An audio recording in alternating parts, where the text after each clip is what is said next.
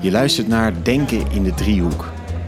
Denken in de Driehoek organiseert avonden met een filosofische en levensbeschouwelijke insteek en een praktische invalshoek in Utrecht.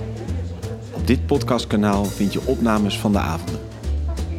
In 2020 is het thema Je mag tegenwoordig ook niets meer. Vlees eten, foute grappen maken, onbezorgd happy zijn met de Nederlandse cultuur. Je mag in Nederland ook niets meer. In deze aflevering consumptieschaamte. Goedenavond allemaal.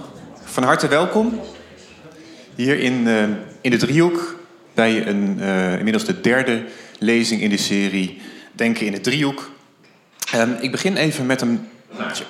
Een, uh, een, vriend van mij die twitterde pas dit plaatje rond. Het komt uit een winkel in Glasgow.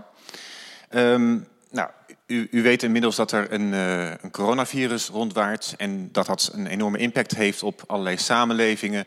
Um, het veroorzaakt paniek. Um, en een van de manieren hoe die paniek tot uitdrukking wordt gebracht, is dat mensen opeens allerlei producten gaan inslaan. Um, omdat ze er rekening mee houden dat ze misschien in quarantaine komen. En dan willen ze er zeker van zijn dat zij bepaalde producten in huis hebben. En hier zie je uh, dat de schappen van een bepaalde supermarkt grotendeels leeg zijn. Maar bepaalde producten die liggen er nog steeds keurig in. En dat blijken de vegetarische producten te zijn. Dus als mensen in paniek raken, dan gaan ze heel veel eten inslaan. Maar blijkbaar laten heel veel mensen de vegetarische producten liggen.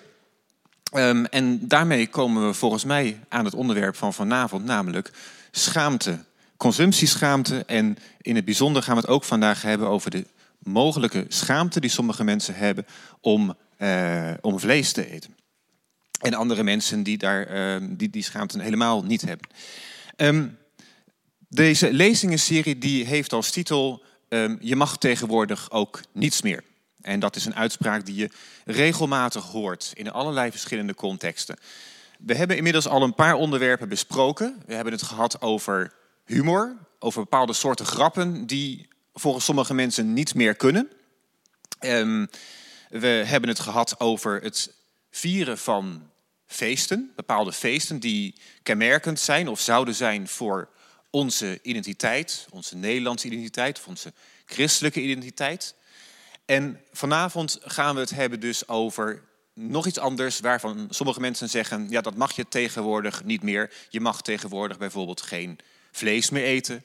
Je mag tegenwoordig geen verre vliegreizen meer maken.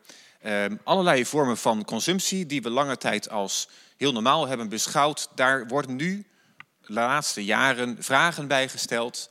En uh, sommige mensen die krijgen daardoor het gevoel dat dat, dat, dat allemaal uh, niet meer mag. Nou, daar gaan we vanavond wat nader over nadenken.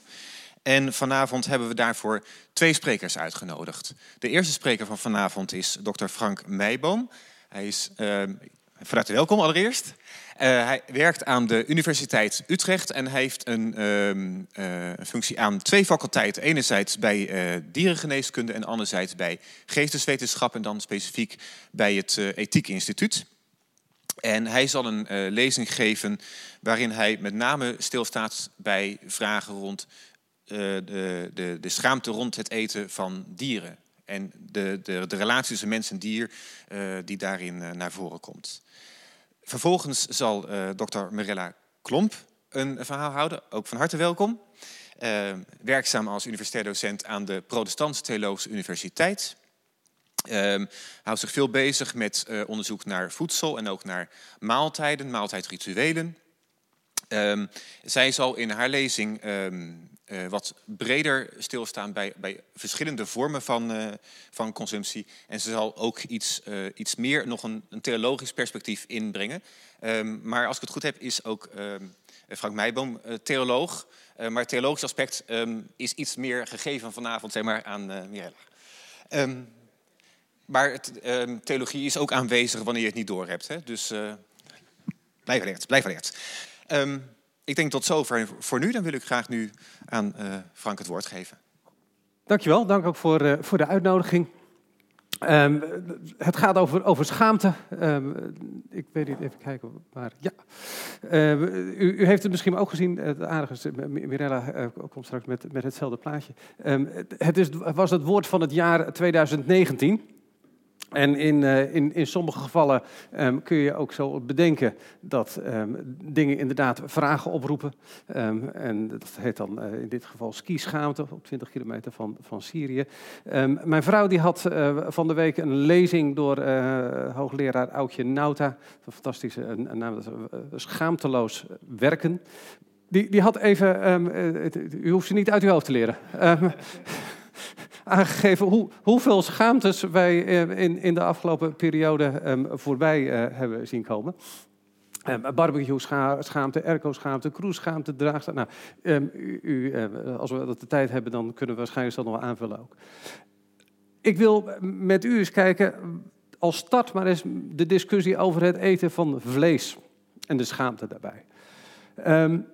En u kunt afvragen, waar, waarom moet daar iemand vanuit de ethiek uh, bestaan? Je zou ook zeggen, het moet een voedingsdeskundige. U zag bij de vorige al, een voedingspsycholoog. Um, en dat heeft volgens mij alles te maken, dat schaamte te maken heeft met normen die je dan wel jezelf oplegt. En je vindt dat je er niet aan voldoet. Ofwel dat je zegt, anderen leggen mij normen op waar ik niet aan wil of aan kan voldoen. En dat roept um, gevoelens van schaamte op.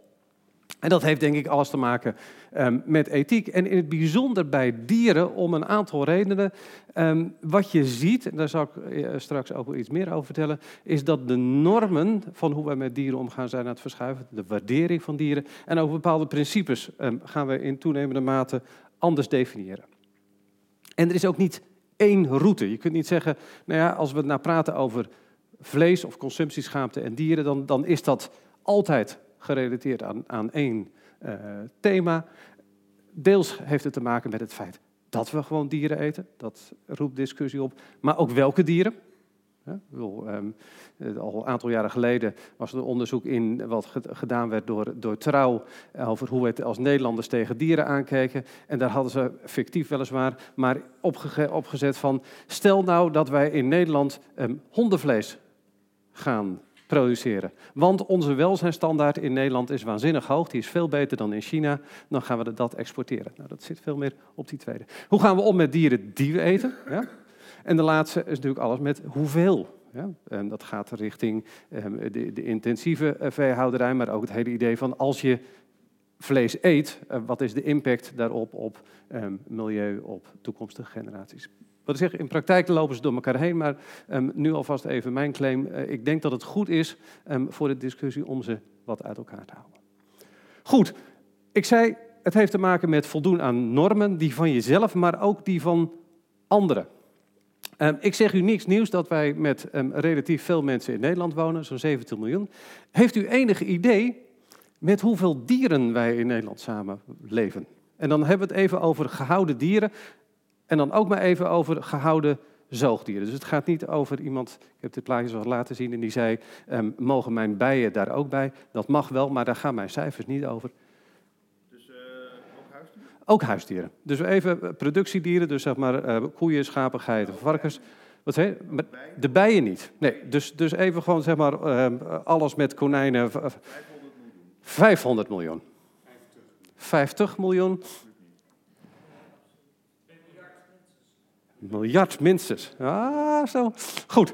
Um, we hebben zo'n 120 miljoen landbouwhuisdieren. Maar, en dat is aardig, want u zei 500. Ja, ik ga iets zeggen. Dat zijn dus koeien, varkens, schapen, pluimvee. Ja. Um, 120 miljoen. En dat heeft er namelijk te maken, wat je kunt op twee manieren tellen. Je kunt zeggen, hoeveel zijn er op een moment, dat is natuurlijk een beetje willekeurig, in Nederland dat zijn dus ongeveer 120 miljoen. Maar, u weet dat misschien wel of niet, maar een varken dat leeft een aantal weken of een aantal maanden. Daarna wordt het geslacht, daar komt een nieuwe voor.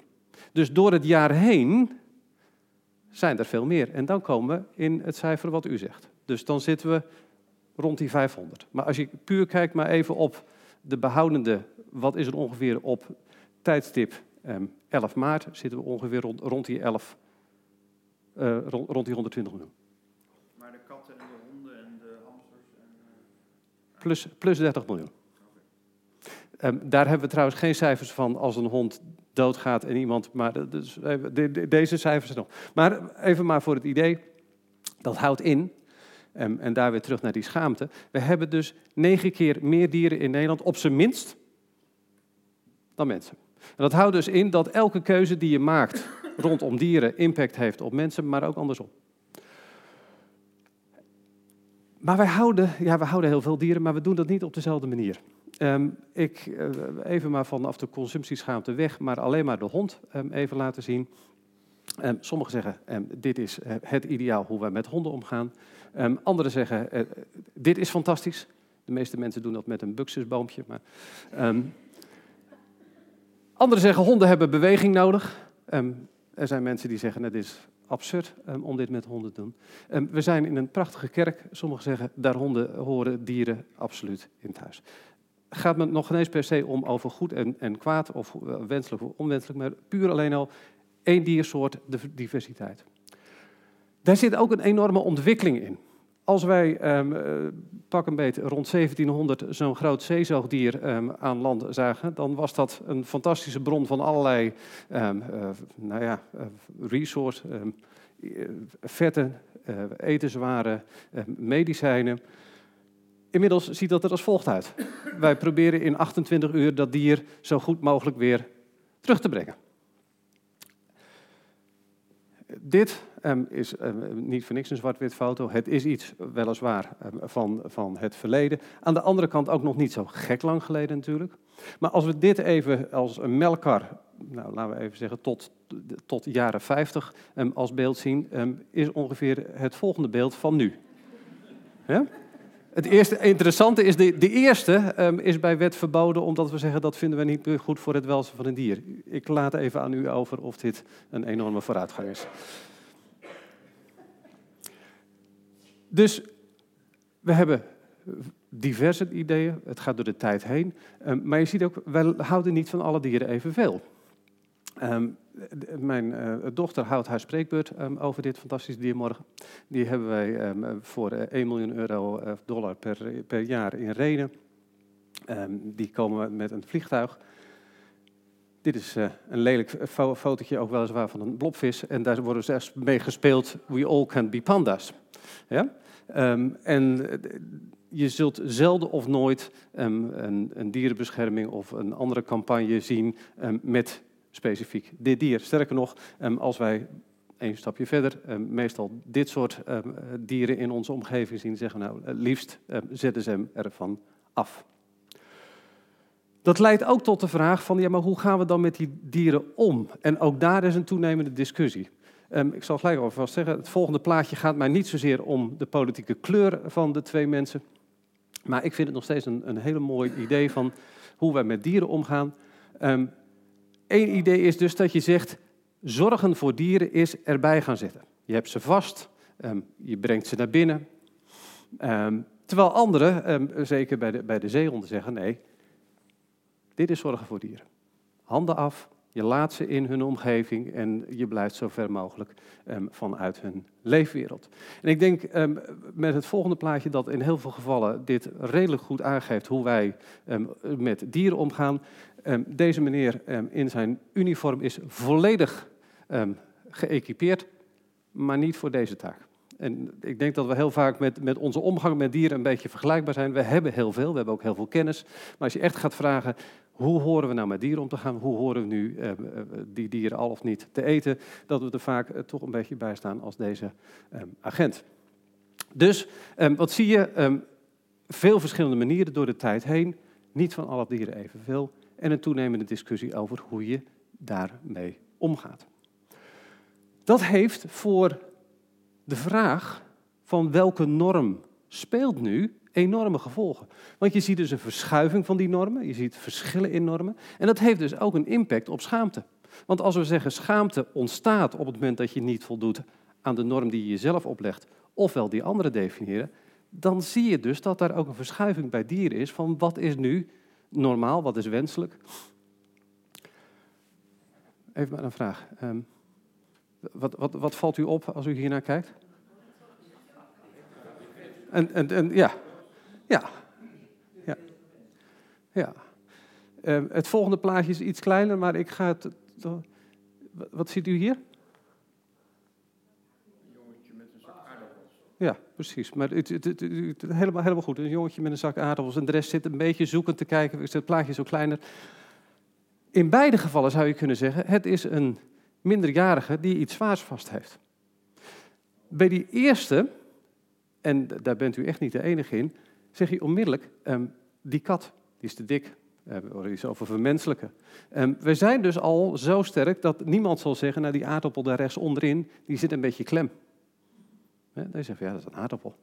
Bij die kat zeggen we inmiddels al, ja wacht even, die kun je dus loszien van dat meisje. Je kunt ook zeggen, als dit meisje elke keer zo staat, krijgt ze rugklachten. Dat is niet gezond. Dus je merkt dat wij dus al zover zijn, dat we dus dat dier los zien, of los kunnen zien, um, van de belangen die we als mensen hebben. Dat doen we um, al een tijdje. Namelijk, waarom zorgen wij voor dieren? Omdat je um, menselijke belangen hebt. Ja, je zorgt goed voor je koe, want je wil er uiteindelijk voldoende melk uit krijgen.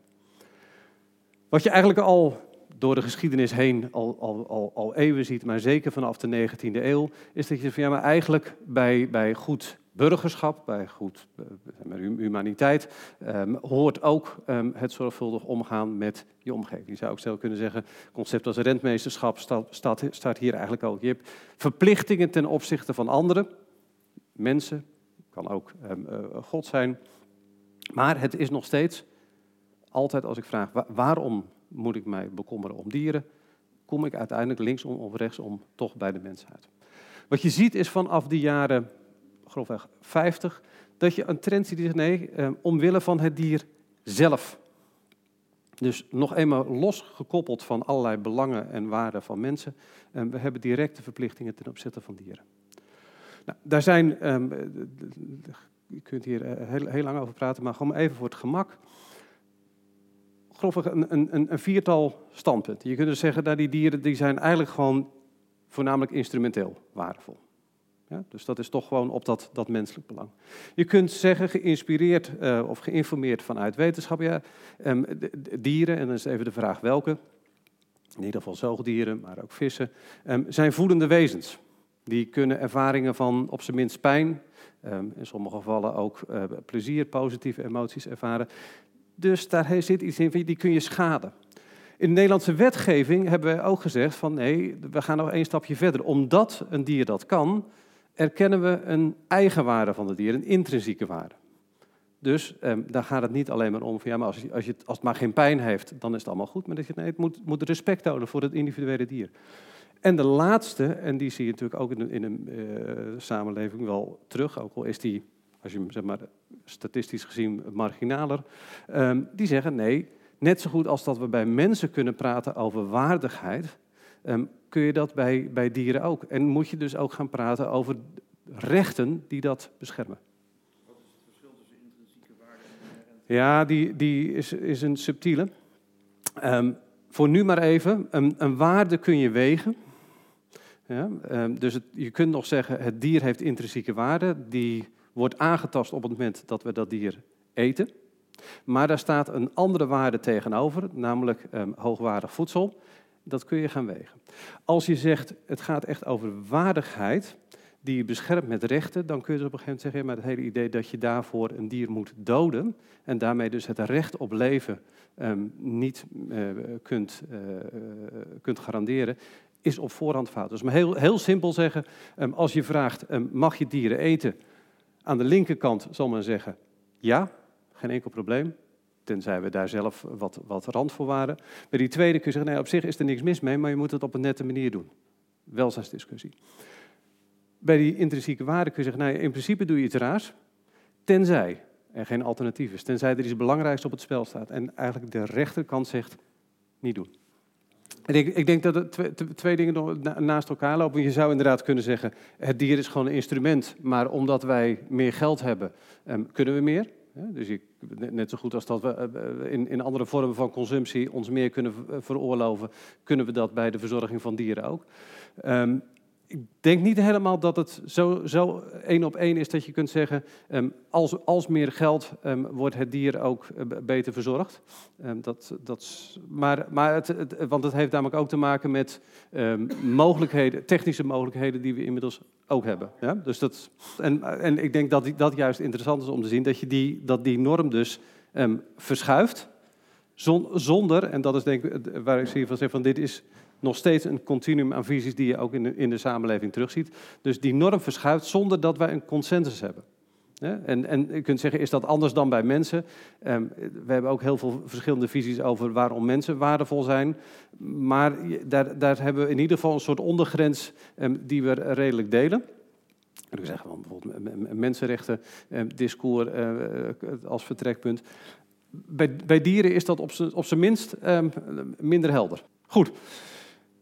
Even als je dit met, met al zijn, eh, eh, eh, kort door de bocht, maar als je dus kijkt, ehm, dus bij die routes voor schaamte, dus het feit dat wij dieren eten, wat ik net al zei, van afhankelijk dus van waar je op dat continuum staat, ehm, maakt het nogal uit of dat ehm, überhaupt schaamte op kan roepen. Dus op het moment dat je zegt van dat dier is een instrument, dan zeg je, ja, in ieder geval niet het feit dat we eten. Ja, Ik kom straks misschien nog bij een andere uit, maar... ehm, en ook daar misschien eigenlijk wel, wel mooi in lijn met wat u zegt. Eh, dit is een plaatje 1948. Context waarin eh, eh, e- eten nog de- deels op de bon was. Em, en waar em, in dit geval vrouwen em, goed eten eisen. En het interessant is dus, die, die eisen vlees. En net zo goed als dat em, in 1948 en niet elke vrouw eh, zo op straat liep, is het volgende plaatje ook niet representatief. Maar het is wel interessant om ehm, eh, zo'n beetje 75 jaar later ehm, dit soort plaatjes te zien. Ja? En dus de, de, de spanning die daarin zit, en dus ook zeg maar, de, de schaamte ehm, die hier heel expliciet, gewoon, gewoon beeldend gemaakt wordt, ehm, is, is, daar zie je de verschuiving. Goed. Bij de andere, waar we zeggen van welke dieren eten we en hoe gaan we om met die dieren, ehm, ook daar kun je zeggen van ja, bij die onderste, als je zegt van we horen ze überhaupt niet te eten, levert dat ook geen schaamte op. Dan kun je zeggen van dat, dat moet er ook gewoon niet zijn. Ehm, daar zou je ook kunnen zeggen van ik schaam me voor een, dat ik in een, in, een, in een samenleving leef dat het er is. Maar persoonlijk ehm, ben ik er wel uit. Terwijl je, eh, als je bijvoorbeeld zegt het dier is een voelend wezen, het gaat over welzijn. ehm, dan kun je zeggen, nou ja, dan moeten we eh, dat dier goed verzorgen. En dan krijgen we misschien een hele technische discussie, kan dat in een megastal of niet? Het gaat niet om dat die, dat die megastal eh, groot is, maar het is gewoon een technisch vraagstuk. Ehm, kun je daar goede zorg leveren? Laatste, en dat is wel een interessante, nog de route van het veel eten, de, de overconsumptie. Daar zou je ook bij die eerste nog heel goed kunnen zeggen, ja, ik, die, die dieren boeien me niet. Maar omdat ehm, eh, rundvlees een enorme impact heeft op water, op energie, op eh broeikas, hoor ik dat niet te doen. En dus dat is eigenlijk nog een interessante, ehm, waardoor je dus die verbinding krijgt met waarden ehm, die verbonden zijn met mens en, en milieu. Goed. Dan krijgen we dus dit soort discussies. En die discussie is dus ofwel dat je zegt, absurd dat wij ehm, dieren hebben gecreëerd die zo snel kunnen groeien. Wakker Dier heeft daar het, het concept plofkip ehm, op geplakt. Er bestaat natuurlijk niet, tenminste technisch gezien bestaat er geen plofkip. Het zijn, zijn zoals het mooi heet, snel groeiende rassen. Ehm, maar je kunt hem ook omdraaien en zeggen, ja, maar dit is juist wa- waar je naartoe moet. Want als wij met veel mensen op deze wereld rondlopen, dan moet je hoog productief, um, hoog efficiënt produceren. Dus er moet weinig voedsel in en dat dier moet snel groeien, zodat er veel ehm, voedsel uitkomt. Dus de biologische kip, ehm, dan maar even eh, terug naar u, ehm, zou eh, iemand kunnen zeggen, dat is precies inderdaad omdat wij het kunnen veroorloven met veel geld. Maar dat, duurzaam is het niet. Nou, dus je, je ziet daar de spanning ook nog van waar, waar zit de schaamte in. Dus, eh, los even van alle technische dingen. Goed, als afronding. Eh, ik zou zeggen, schaamte in deze discussie is een hele goede indicator. Ja, het zegt iets over waar het, waar het rammelt, waar het schuurt. Maar ik denk dat het nog niet genoeg is om gelijk te kunnen zeggen: dit is goed, dit is fout, dit is wenselijk, dit is onwenselijk. Het vraagt om een hele zorgvuldige discussie over waar wil je nu heen met onze omgang met dieren. En ook met die verbinding Dat is misschien een beetje uh, de, de, bubbel waar ik af en toe in zit, waar het heel vaak gaat over het dier, het welzijn. Maar ook juist die verbinding uh, met um, andere mens- en milieugebonden waarden. Omdat je dan pas die hele discussie goed kunt voeren over hoe erg is het nu om vlees te eten? Um, en hoe past dat um, in een, nou ja, in die zin even, schaamteloos eten? en, en kan dat? Voor zover, dank u.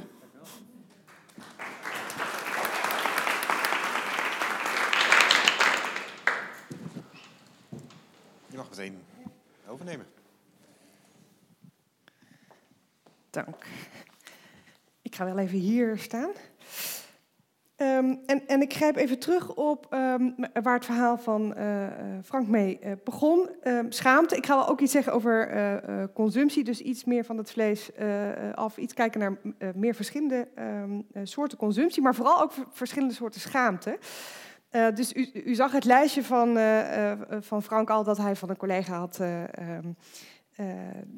barbecue-schaamte, bezorgschaamte, dieselschaamte, klimaatschaamte, Netflix-schaamte, ski-schaamte, vlees-schaamte, vliegschaamte. We schamen ons rot, rot tegenwoordig. En als we ons zelf niet schamen, dan zijn er wel anderen die vinden dat wij ons zouden moeten schamen. Omdat wat we doen of laten in deze tijd echt niet meer kan.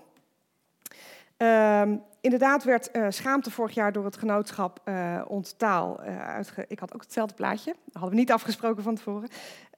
gekozen tot woord van het jaar, omdat het achtervoegsel steeds vaker gebruikt werd en wordt om verlegenheid of ongemak aan te geven met ja, de zaak die dan in het eerste gedeelte van het woord wordt genoemd. En onze taaldirecteur uh, Roeper die koppelde bij de bekendmaking van dit woord van het jaar 2019 um, dat vooral aan het klimaat.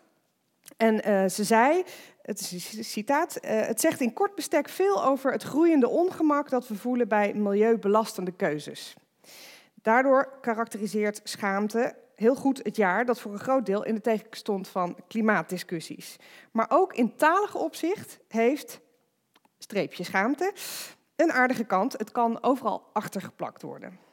Einde citaat. Nou, ik ging, ik ging eens even uh, terugzoeken waar dat woord schaamte nou eigenlijk precies, uh, of het in zwang raken daarvan eigenlijk precies vandaan kwam. En het lijkt um, terug te gaan op um, ehm, 2018 uit het, in het Zweeds, waarin het woord flugskam um, opdook. De Zweedse bevolking die vliegt veel, maar beschouwt ook de natuur als onderdeel van de culturele identiteit. En ja, die twee gaan niet echt goed samen en daar is ongemak over. En daar werd het woord fluxcam voor um, ja, uitgevonden, zou ik maar zeggen. En dat woord werd in Nederland in de sociale media opgepikt en het ontwikkelde zich in een jaar tijd eigenlijk... Uh, um, zo ontwikkelde zich een creatief taalgebruik, uh, waarbij het woord schaamte een prettig huwelijk aanging met uh, een aantal actuele problemen die allemaal verband houden met consumptie. Voedselkeuzes, zoals Frank al heeft gezegd, wat we precies eten, waar ons voedsel vandaan komt, hoeveel we eten, wat we verspillen en hoe we dat rechtvaardigen. Maar behalve voedselkeuzes ook keuzes rondom mobiliteit. Hè. Dus hoe verantwoord je die baan in het buitenland als je er elke week voor heen en weer moet vliegen? Um, of ook onze uh, vrije tijdsbesteding. Ja, het kan me niet schelen dat binge-watchen veel stroom slurpt, maar na een dag, dag lang werken ben ik gewoon ontzettend moe en dan wil ik op de bank hangen voor de tv of voor mijn scherm. Mag ik alsjeblieft? Nou, dat zijn de vragen, denk ik, van de hedendaagse consumptiemaatschappij. Um, wat betekent op, om onze welvaart op het bereikte hoge pijl te houden, moeten we consumptieartikelen kopen en diensten afnemen um, uh, steeds meer uh, dan we voor onze eerste levensbehoeften uh, direct nodig hebben. En behalve welvaart brengt die maatschappij, zo blijkt steeds meer, ook allerlei problemen met zich mee, waartoe we ons moeten gaan verhouden. De filosofie bekijkt dat onleefbaar maken van de aarde, zoals ik het altijd maar eventjes uh, uh, gemakshalve uh, en in grote greep definieer, vanuit een helikopterperspectief en vat veel van onze nieuwe soorten schaamte samen met het woord soort schaamte. Schaamte over wat we als mensen bewust of onbewust verkeerd doen. En soort schaamte is een ander soort schaamte over een ander soort schaamte dan schaamte over wie je bent. Uh, zoals bijvoorbeeld, dat zag ik niet in het lijstje van, uh, dat Frank hier projecteerde, uh, zoals mensen die geen sandalen dragen omdat ze zich schamen voor hun lelijke tenen. Tenenschaamte, dat bestaat echt net als navelschaamte. Eh, eh, dat leidt er vaak toe dat mensen hun tenen verstoppen of hun navel. Hè? Dus sokken in je sandalen of dichte schoenen omdat je je schaamt voor je tenen. Nou, het is een vorm van uh, identiteitsschaamte. In de sociale psychologie wordt dat namelijk zo uh, gedefinieerd. En identiteitsschaamte is eigenlijk een onproductief soort schaamte, maar consumptieschaamte. Dus de verlegenheid over wat, wat we als mensen veroorzaken met al ons geconsumeer. Dat valt daar dan in de categorie potentieel nuttige schaamte, want die kan namelijk aanzetten tot ander of beter handelen. Nou, over dat, hoe dat handelen eruit zou moeten zien, uh, buigen heel veel verschillende wetenschappers uit verschillende disciplines zich. Uh, onder andere theologen. Um, een van de grote namen op dit gebied is de Amerikaanse uh, theoloog Sally McVeigh. Um, in een boek um, Blessed are the Consumers, ondertitel Climate Change and the Practice of Restraint, uh, claimt ze dat het mooi is om allerlei groenere, slimmere en rechtvaardigere keuzes te maken in ons consumptiegedrag. Maar dat dat allemaal nog niet voldoende zoden aan de dijk zet. Radicaal consuminderen is volgens haar het enige uh, alternatief dat echt helpt. En zij verankert dat theologisch. Uh, McVeigh zegt, ons consumentisme is een ketterij en onze bekering moet eruit bestaan dat we onszelf leren beheersen. Daarvoor is nodig dat we vrijwillig afstand doen van consumptie en uh, van de consumptie die onze behoeften moet uh, bevredigen. En onze levensvervulling moeten we niet willen halen uit consumeren, maar uit consuminderen. En ze gebruikt dan uit een brief van Paulus het zich leegmaken. Um, het, zich, het, ja, het on, ontledigen met verwijzing naar Christus die het gebruik van zijn goddelijke eigenschappen aflegde om mens te zijn, om zich te verbinden met al wie en wat er verder nog leeft op deze aarde. Um, nou, ze zegt uh, duurzaam leven betekent dus minder consumeren, niet zozeer groener consumeren. Nou, het gaat me er nu even niet om of dat daadwerkelijk de juiste oplossing is. En, en, en we hebben ook niet besproken of we het wel over de definitie van het probleem eens zijn. Daar gaat het me allemaal even niet om. Um, er wordt trouwens ook heel verschillend namelijk gedacht over de vraag in hoeverre technologische ontwikkelingen ons probleem zou um, uh, moeten oplossen. Um, maar ons consumentisme, en dat is eigenlijk wat McVeigh zegt en waarom ik haar aanhaal, is onmiskenbaar een spirituele aangelegenheid. Uh, dat onze kijk op de wereld, onze levensbeschouwing, of dat nou een seculiere levensbeschouwing is of een religieuze levensbeschouwing, als je die categorieën al nuttig vindt. Um, dus die levensbeschouwing en de manier waarop we het leven vormgeven, dat die twee dingen met elkaar samenhangen, um, dat is een feit, denk ik. En uh, ingewikkeld daaraan is dat er allerlei betekenissen en waarden niet zelf uh, strijdig met elkaar zijn. Um, en een rol spelen in onze kijk op de wereld. En dat we voortdurend onderhandelen tussen die verschillende betekenissen en verschillende waarden. Um, dus om het met een eenvoudig voorbeeld te zeggen, het liefst eet ik elke ochtend uh, bij het ontbijt uh, appeltaart. Maar ja, de weegschaal zou me wel steeds verwijtender aan gaan kijken als ik, dat, uh, als ik aan die behoefte gehoor gaf. Um, en ja, zoals iedereen weet staan genot en gezondheid wel vaker op gespannen voet met elkaar. En in dit geval ja, laat ik toch het, de gezondheid winnen en geef ik mijn taartje op. Maar rond vlieggedrag bijvoorbeeld ligt het al lastiger. Ik mijd eigenlijk het vliegtuig, de reis het liefst met de trein. Maar ik ga toch binnenkort een internationaal vliegticket boeken... omdat ik naar Zuid-Afrika wil voor een belangrijke theologische conferentie... over racisme en xenofobie. Nou, dat is ook allemaal heel belangrijk, vind ik. Um, ja, dus daar zijn ook verschillende belangen die strijden met elkaar. Het milieu, mijn loopbaan, de wetenschap, uh, en, en, wat ik ook kies, ik denk dat dat eigenlijk het punt is, mijn keuze kost wat. Kost of mijzelf iets, direct, hè, mijn, mijn, in mijn werk, of het kost het milieu iets. Um, en dat soort conflicterende belangen en, en uh, dus die schaamte, die zijn eigenlijk niet te vermijden in ons uh, systeem van productie, consumptie en oneindige groei. Dus eigenlijk het conflict tussen die waarden. en dan het ongemak dat dat die strijdende waarden en betekenissen met elkaar meebrengt. Um, filosoof Ton Lemaire zegt, ja, op deze aarde is geen onschuldig verblijf mogelijk. Um, Niettemin heeft hij ervoor gekozen om te doen wat niet voor iedereen is weggelegd. Zich teruggetrokken in, ergens diep in Frankrijk om daar een geheel zelfvoorzienend leven te leiden. Dus eigenlijk de practice of restraint. Je inhouden als het om consumptie gaat. En dat je inhouden als het om consumptie gaat, is eigenlijk helemaal niks nieuws. Want dat was ook voor Adam en Eva al uh, een opdracht. Eh, er was één boom in het midden van de tuin. Ik heb een plaatje eh, meegenomen. Ehm, het gaat hier nu over Genesis 3. Hè. Er was één boom in het midden van de tuin waarvan Adam en E- Eva niet mochten eten. Ehm, dat Gods liefde door de menselijke maag gaat, laat ik hier geheel buiten beschouwing. Maar dat is ook een belangrijk onderdeel van het verhaal. Dat voedsel niet alleen is wat Adam nodig heeft om te leven, maar ook eh, eh, doet het hem de liefde van God smaken. Maar dat laat ik nu verder even buiten beschouwing. Maar ook voor Adam en Eva was het moeilijk om ehm, hun consumptie te beteugelen. Het was te verleidelijk om alles te willen. Ook al had God tegen ze gezegd: van alle bomen in de tuin mag je eten, behalve van één, want alles willen is het einde. Maar ja, die vruchten van die boom die zagen er zo heerlijk uit. En door er wel van te eten zouden mensen ook als goden zijn. Ja, wat wil je nog meer? Dus bezweek eerst de een aan de verleiding om ongelimiteerd te consumeren. En toen de ander. En toen kwam het inzicht dat deze consumptie ze wel erg kwetsbaar had gemaakt.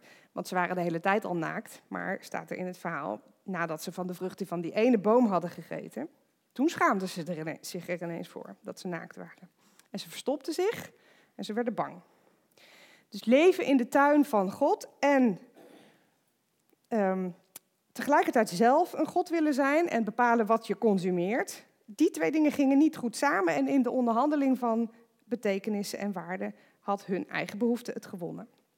En bij Adam en Eva, als ik nog even terugga naar die identiteitsschaamte en consumptieschaamte, eh, gaan die twee met elkaar samen. Want als God door de tuin wandelt en hen zoekt, dan verstoppen ze zich. Omdat ze zich schamen voor wat ze hebben gedaan. Maar ook omdat ze zich schamen voor wie ze zijn in de ogen van God. Nou, dat verhaal uit Genesis 3 loopt dan zo af dat eh, als puntje bij paaltje komt en ze met hun gedrag worden geconfronteerd, dat ze excuses oplepelen en elkaar de schuld geven. Maar ja, dat helpt natuurlijk niks. Want als je alles wilt, dan zul je het moeilijk hebben. En dan stuurt God de mensen de tuin uit om de aarde te bewerken, om er nu zelf maar wat van te gaan maken in, deze, in de wereld. Nou, wie we zijn in de ogen van God is voor heel veel mensen in ons land niet zo'n issue meer. Maar dat verhaal van Adam en Eva, eh, en daarom haal ik het aan hier, heb, ehm, laat denk ik zien dat consumptieschaamte van alle tijden is. Het theologisch begrip daarvoor, voor wie dat leuk vindt, eh, is erfzonde. Heel veel mensen geloven daar ook al helemaal niet meer in. Maar als je dat opvat als de eindeloze behoefte van de mensen om alles te willen, en je kijkt een paar dagen goed om je heen, dan zie je dat het gewoon nog bestaat. Is het nou niet eh, om moedeloos van te worden dat dit kennelijk in de mens zit eh, ingebakken? Hè? Dus tussen Adam en Eva en, en ons ehm, eh, handelen nu hebben we dan schijnbaar nog niet echt veel geleerd. Moeten we ons niet eh, eh, doodschamen met dat eindeloze consumeren van ons? Nou, ik, ik denk van niet. Ehm, om een paar redenen. Ik, het verhaal van Genesis, om daar toch nog maar even bij te blijven. Dat eindigt ermee dat mensen die tuin van God worden uitgezet.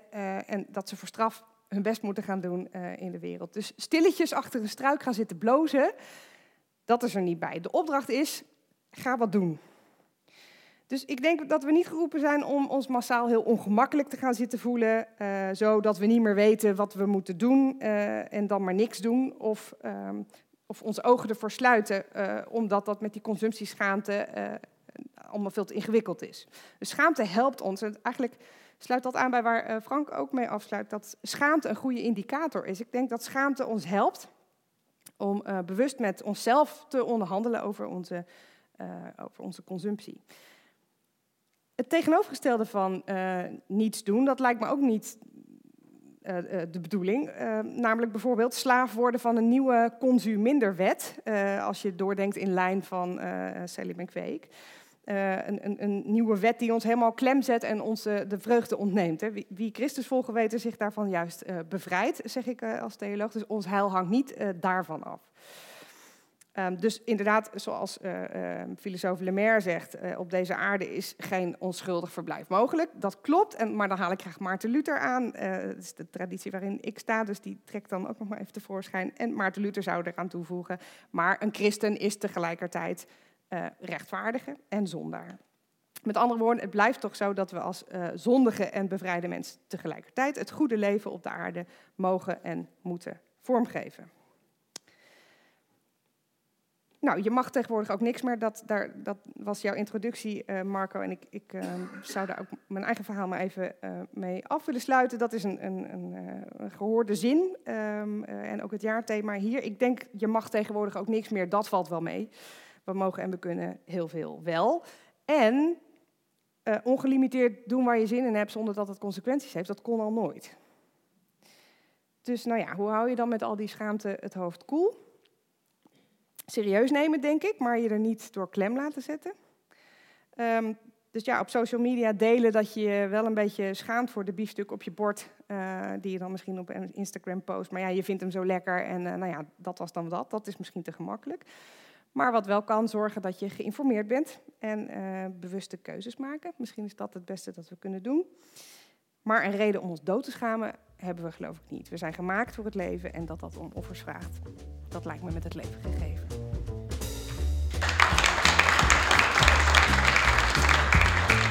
Je luisterde naar Denken in de Driehoek vanuit de oud-katholieke Gertruduskapel in Utrecht. Wil je op de hoogte blijven van nieuwe lezingen van Denken in de Driehoek? Volg ons dan op Facebook. Wil je op de hoogte blijven van nieuwe podcastafleveringen? Abonneer je dan in je podcast-app. Dank voor het luisteren.